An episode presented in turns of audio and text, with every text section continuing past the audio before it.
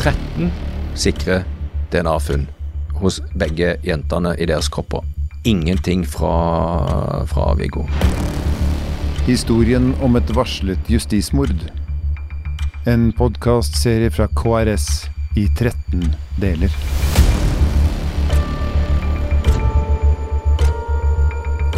Del 3. Det skjedde et justismord i 2001 i Baneheia-rettssaken. Men eh, du er eh, opptatt, kanskje vel så opptatt av et justismord nummer to i 2010. Ja, eh, mens hovedboka mi handler en del om prosessene rundt domstolens behandling og det første justismordet, som vi gjerne sier, så er det jo helt åpenbart i dag at vi kan snakke om et justismord nummer to i, eh, i Baneheia-saken. Og det handler eh, rett og slett om eh, DNA-bevisets endelikt i eh, 2010. Det er, på en måte Det var ullent, og så slutta det å være ullent. Det var eh, slik at eh, jeg eh, sov godt med Baneheia-saken, fordi at jeg kunne lene meg tilbake og vite at det var jo, selv om det var store usikkerheter og mye som jeg visste var feil, så visste jeg at det var iallfall bevis på at det var to personer som hadde vært der. Og eh, når den ene var Jan Helge, så måtte den andre være Viggo. Men i eh, 2008 på høsten så leverte da Sigurd Klomsæt eh, sin første gjennomtakelsesbegjæring da, 5.9. Eh, der er han inne på at det er en ukjent gjerningsmann, og da slutta vi å høre egentlig på Klomsæt. Men han fortsatte jo å jobbe. Eh, Ble han, ble han latterliggjort, mener du? Eh, han latterliggjorde seg sjøl i høsten 2008. Dette har jeg snakka del med Sigurd om, og han innrømmer jo det. Han gjorde jo en forferdelig eh, figur ved at han gikk ut i lokalpressen da eh, høsten 2008 og sa at det går en ukjent drapsmann løs. Da hadde han fortsatt utgangspunkt i at det var antageligvis to gjerningsmenn, og at den eh, ene ikke var Viggo. Eh, for eh, vi som kjente saken da, skjønte jo at denne eh, mannen, Sigurd Klomsæt, han vet jo ikke hva han snakker om. Dette, dette framsto eh, latterlig. Og når han gjorde dette i et samlet angrep mot eh, alle i saken, så uh, mistet rett og slett Sigurd Klomsæt enhver uh, troverdighet. Dette er dette er ikke et angrep på Klomsæt, dette er bare en, rett og slett en forklaring på hva som skjedde eh, høsten 2008. Det var en taktisk katastrofal tabbe fra Sigurd Klomsæt. Det eh, fratar ikke meg som journalist ansvaret for den tabben jeg og enhver som hadde befatning med eh, saken etterpå. Fordi at eh, på høsten og vinteren eh, 2009 så eh, fikk han inn eh, eh, Gena fra Stavanger som gikk gjennom dette her. Så eh, fikk han eh, et eh, britisk eh, fremstående miljø eh, til å se på det samme, og deres konklusjon var relativt ganske rask. At eh, men litt sånn faglig ordelag eh, opplever jeg. Men det var at vet du hva, denne DNA-analysen som viser to personer, den kan vi ikke stole på. Men det som skjedde da, var jo at Gjenopptakelseskommisjonen med lederen Helen Sæther gikk jo til frontalangrep tilbake eh, mot eh, Klomsæt. Og de nektet å, å oppnevne eh, de som sakkyndige, de som kunne fortelle i rene ordlag at man ikke kunne legge vekt på den gamle spanske eh, konklusjonen om at antakeligvis var to. Ja, bare for å liksom rydde helt opp nå. Altså, det man var sikre på fram til 2008-2010, det var at det i hvert fall var to personer. Det var, det var det konsensus om. Det var man enige om, og tenkte at det var i hvert fall to gjerningsmenn. Altså, Det var konsensus. Jeg syns det er riktig, et godt begrep å, ja. å bruke. Og i 2008 og frem mot 2010 så eh, kom det for en dag, og uten tvil, om at eh, det var ingen faste bevis eller spor på at det var to personer der. Ja, det kunne jo vært klarere kommunisert, vil jeg kunne si, uh, og noen vil si at det er til mitt forsvar, men, men, men poenget er at det ble tydelig for disse forskerne at man kunne ikke legge til grunn at det var DNA fra to personer. Eh, og eh, det var de samstemte om. Det var ikke Gjennomtakelseskommisjonen enig i. og hvordan kunne de la være å være enig i det? Og hvordan kunne jeg som journalist Da dekket ikke jeg lenger dette her, altså, men jeg opplever at jeg har et øh, presseetisk og et moralsk og et Ja, Du sa du sov godt med saken fram til 2010, men ikke etterpå. Jeg sov også godt da, for jeg fulgte ikke opp det funnet. Og det gjorde ingen. Det er jo her jeg kaller det det andre justismordet. Når de forskerne gjorde det så tydelig klart man kunne ikke legge, legge legge til grunn at det var funn fra to personer. Eh, og, og faktisk så kom det allerede da klart fram at det, de Spania hadde jo funnet eh, mulige DNA-spor som også var svake og ikke noe å legge vekt på, fra fire. Så var jo det sånn åpenbart for enhver som kunne saken og hadde satt seg inn i det. at det her kan vi ikke legge og legge til grunn at det er DNA-spor fra to. Og det eh, Vi hadde en Sigurd Klomsæt som prøvde å stå på torget og rope dette, men jeg var ferdig med å høre på Sigurd Klomsæt om dette, og det var jeg ikke alene om. Også Gjenopptakelseskommisjonen var lei av det. De ville ikke høre han. Det var et munnhuggeri når du Jeg skriver en del om, i boka mi om på en måte den eh, mailene og e-postene og korrespondansen går fram og tilbake mellom Klomsæt og eh, lederen av Gjenopptakelseskommisjonen. Den er knallhard og nådeløs på begge sider. Det er mistillit. Eh, og hvem er den voksne i rommet? Ingen. Eh, man klarer ikke ta inn over seg at det, det er bare DNA-spor fra én. Og hvilke konsekvenser det faktisk har for saken. Og, eh, og det gjør meg vondt eh, å i dag lese de rapportene som ikke jeg syns er godt nok skrevet, det kan være kommunikasjonsdel, men vi, jeg, samfunnet, retten, i alle fall Gjenopptakelseskommisjonen, burde Alarmklokkene skulle jo ringet for oss alle.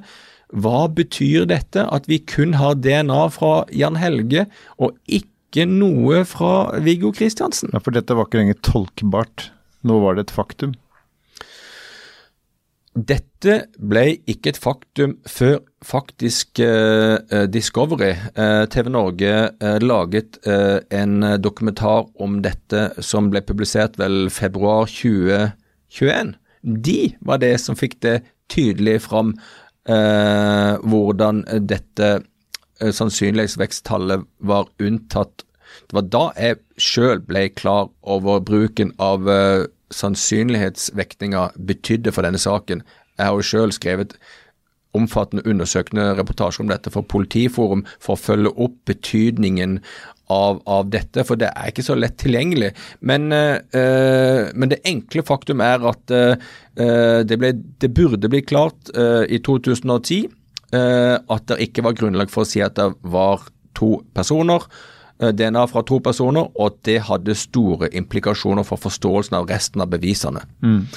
Og eh, Vi satt jo vitterlig med to stykker, og eh, den eh, med Viggo Kristiansen med den eh, strengeste straffen, faktisk. Det gjorde vi. Eh, Jar skriver om eh, DNA. Jeg syns ikke det var så lett forståelig, men jeg skjønte at her er det noe mer jeg må skjønne. Men, men det er jo at det er jo Det som er litt utfordrende med DNA, er jo at det er en del faguttrykk som blir pakka inn og gjort litt sånn utilgjengelig. Um, og eh, tolkninga av det er ikke alltid like eh, åpenbart, rett og slett. Eh, fra 2010 eh, så et av de tiltakene som Gjenopptakelseskommisjonen gjorde, var at de krevde nye eh, gjennomgang av funn. Og dette bølger fram og tilbake. Jeg kan gjøre lang historie kort. Det er at allerede i 2010 så fant man DNA-spor eh, korrekt. Uh, Ut ifra gamle funn så kunne man gjøre nye analyser med nye gode metoder. Og man fant DNA fra hvem da? Jan Helge Andersen. Mm. Da hadde man altså to sikre funn fra Jan Helge. Ingenting fra Viggo fortsatt. Sånn har det fortsatt. Eh, For å hoppe litt med den nye etterforskninga som er gjort etter at saken ble gjenopptatt, så har man i dag 13 sikre DNA-funn. Alle fra Jan Helge Andersen på ulike hulrom hos begge jentene i deres kropper. Mm. Ingenting fra, fra Viggo. Det tok uh, Fortellinga om Viggos skyld, den hvilte også tungt over Gjenopptakelseskommisjonen. Og eh, man klarte altså ikke å innse betydningen av de funnene man hadde. De erklærte de sakkyndige fra Viggos side som partsrepresentanter som de ikke ville høre på, rett og slett. De okay. mente de var ikke Som de hadde en agenda. Som de hadde en agenda. Mm, Og det var ikke Gjennomtalelseskommisjonen alene om. Det gjorde også pressen, og uh, gjenfortellinger av dette var av en eh, var en advokat eh, og en eh, skyldig, Viggo Kristiansen, som nekta å forholde seg til realiteter. Man ville ikke og klarte ikke eh, å trenge gjennom fortellinga av monsteret Viggo med å se på dette med, eh, med friske øyne. Og det er, eh, det er alvorlig, og det er alvorlig dette handler jo ikke om pressen, altså, syns jeg. Men, men, men for all del, det handler også om oss. Men dette handler om eh, de eh, kontrollmekanismene vi har i rettsstaten Norge. Og det er jo et Det er jo alene et bevis på at Gjenopptakelseskommisjonen ikke fungerer. Rett og slett. Eh, Vi, har, vi snakker også om Den rettsmedisinske kommisjonen. Vi skal jo ha et apparat her som du har Den rettsmedisinske kommisjon som skal vurdere sakkyndiges arbeid. Det viste seg også at uh, Rettsmedisinsk kommisjon hadde jo aldri godkjent det arbeidet som Bente Mevåg gjorde opprinnelig. Så i en ettergodkjenning i 2009 så er de med og strør sand på feilkonklusjonene som ble gjort uh, den gangen. Oppfyller heller ikke sin egen rolle. Her mener jeg altså Den rettsmedisinske kommisjonen burde gå i seg sjøl. Det vil nok bli et tema i granskninga. Eh, Og det medførte at eh, Gjenopptakelseskommisjonen heller ikke så at de hadde mye incitamenter til å tvile på, eh, på de funnene som ble lagt fram i retten den gangen. Når jeg hører deg fortelle nå, så tenker jeg at uh, dette handler jo veldig mye om et narrativ. Altså en historie. Som vi på en måte kjøper i flokk. Eh, og som du sier, pressen skrev det dere ble forelagt. Og det var ingen grunn til å tvile på det, osv. Det å bryte et sånt narrativ For det høres ut som det var Altså i 2010 så høres det ut som det var egentlig ganske lett å si ja, men her er det gjort en feil. Eh, kan det være slik at det ikke hadde gått mange nok år. Hvorfor for mange av de samme folkene i de samme stillingene, i de samme posisjonene, at vi faktisk trengte en slags eh, persongalleriutskifting eh, før vi kunne se på det på med nye øyne. For det høres jo, det du forteller nå, høres jo helt utrolig ut. Altså at vi i 2010 ikke da eh, dro i nødbremsen og sa at her er det noe gærent. Ja, øh, du har nok rett i det, og det kan være på flere sider. Jeg tror det at Sigurd Klomsæt forsvant ut, og at Sjødin kom inn, også var viktig for å ha andre som forteller historien. Mm. Men rettssamfunnet må jo ta ansvar for den fortellingen man er en, en del av, og det burde jo ikke være sånn Og de fakta man bygger den på. og de fakta man bygger på. Men når det er sagt, så vil jeg si at uh, 5.9.2008 Uh, 2008 så satt altså journalistene pal og var utrolig spente på hva Sigurd Klomsæt hadde tenkt å bygge denne gjenopptakelsesbegjæringa på. Jeg var glassklar for å høre om hva vi har gjort feil. Jeg ble så sinnssykt skuffa sinnssykt skuffa. Uh, og at vi Jeg visste veldig godt at det var veldig mye som halta i Baneheia-saken. Eh, men jeg levde med de valgene som domstolen gjorde. Og med Du forsto dem. forsto dem, og særlig med den eh, såkalte vissheten om at det iallfall hadde vært to, og dermed måtte det være Viggo, selv om ting ikke hang på greip, så var jeg veldig klar for å høre en annen fortelling. Mm. jeg har sett igjen med de videoene, og jeg sitter der på eh, tredje rad på venstre side og følger med.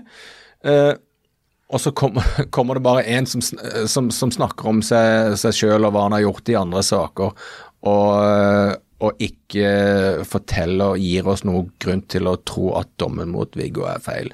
Og det er eh, eh, Der hadde man en gyllen anledning til å lage et annen fortelling. Det er jo poenget mitt. Og den ble misbrukt. Og, eh, og Viggo og Sigurd Klomsæt sammen, det var to personer som ikke evnet å nå gjennom med en annen fortelling sammen. De var bad dynamite, altså. Og, eh, og ja, da tror jeg også tida måtte gå. Eh, og eh, det var jo veldig spesielt for meg å lese Jar sin bok, fordi at han påsto, istedenfor å være journalist og si at dommen kan være feil, så sa han bare noe helt annet. Han sa bare Viggo er uskyldig. Historien om et varslet justismord.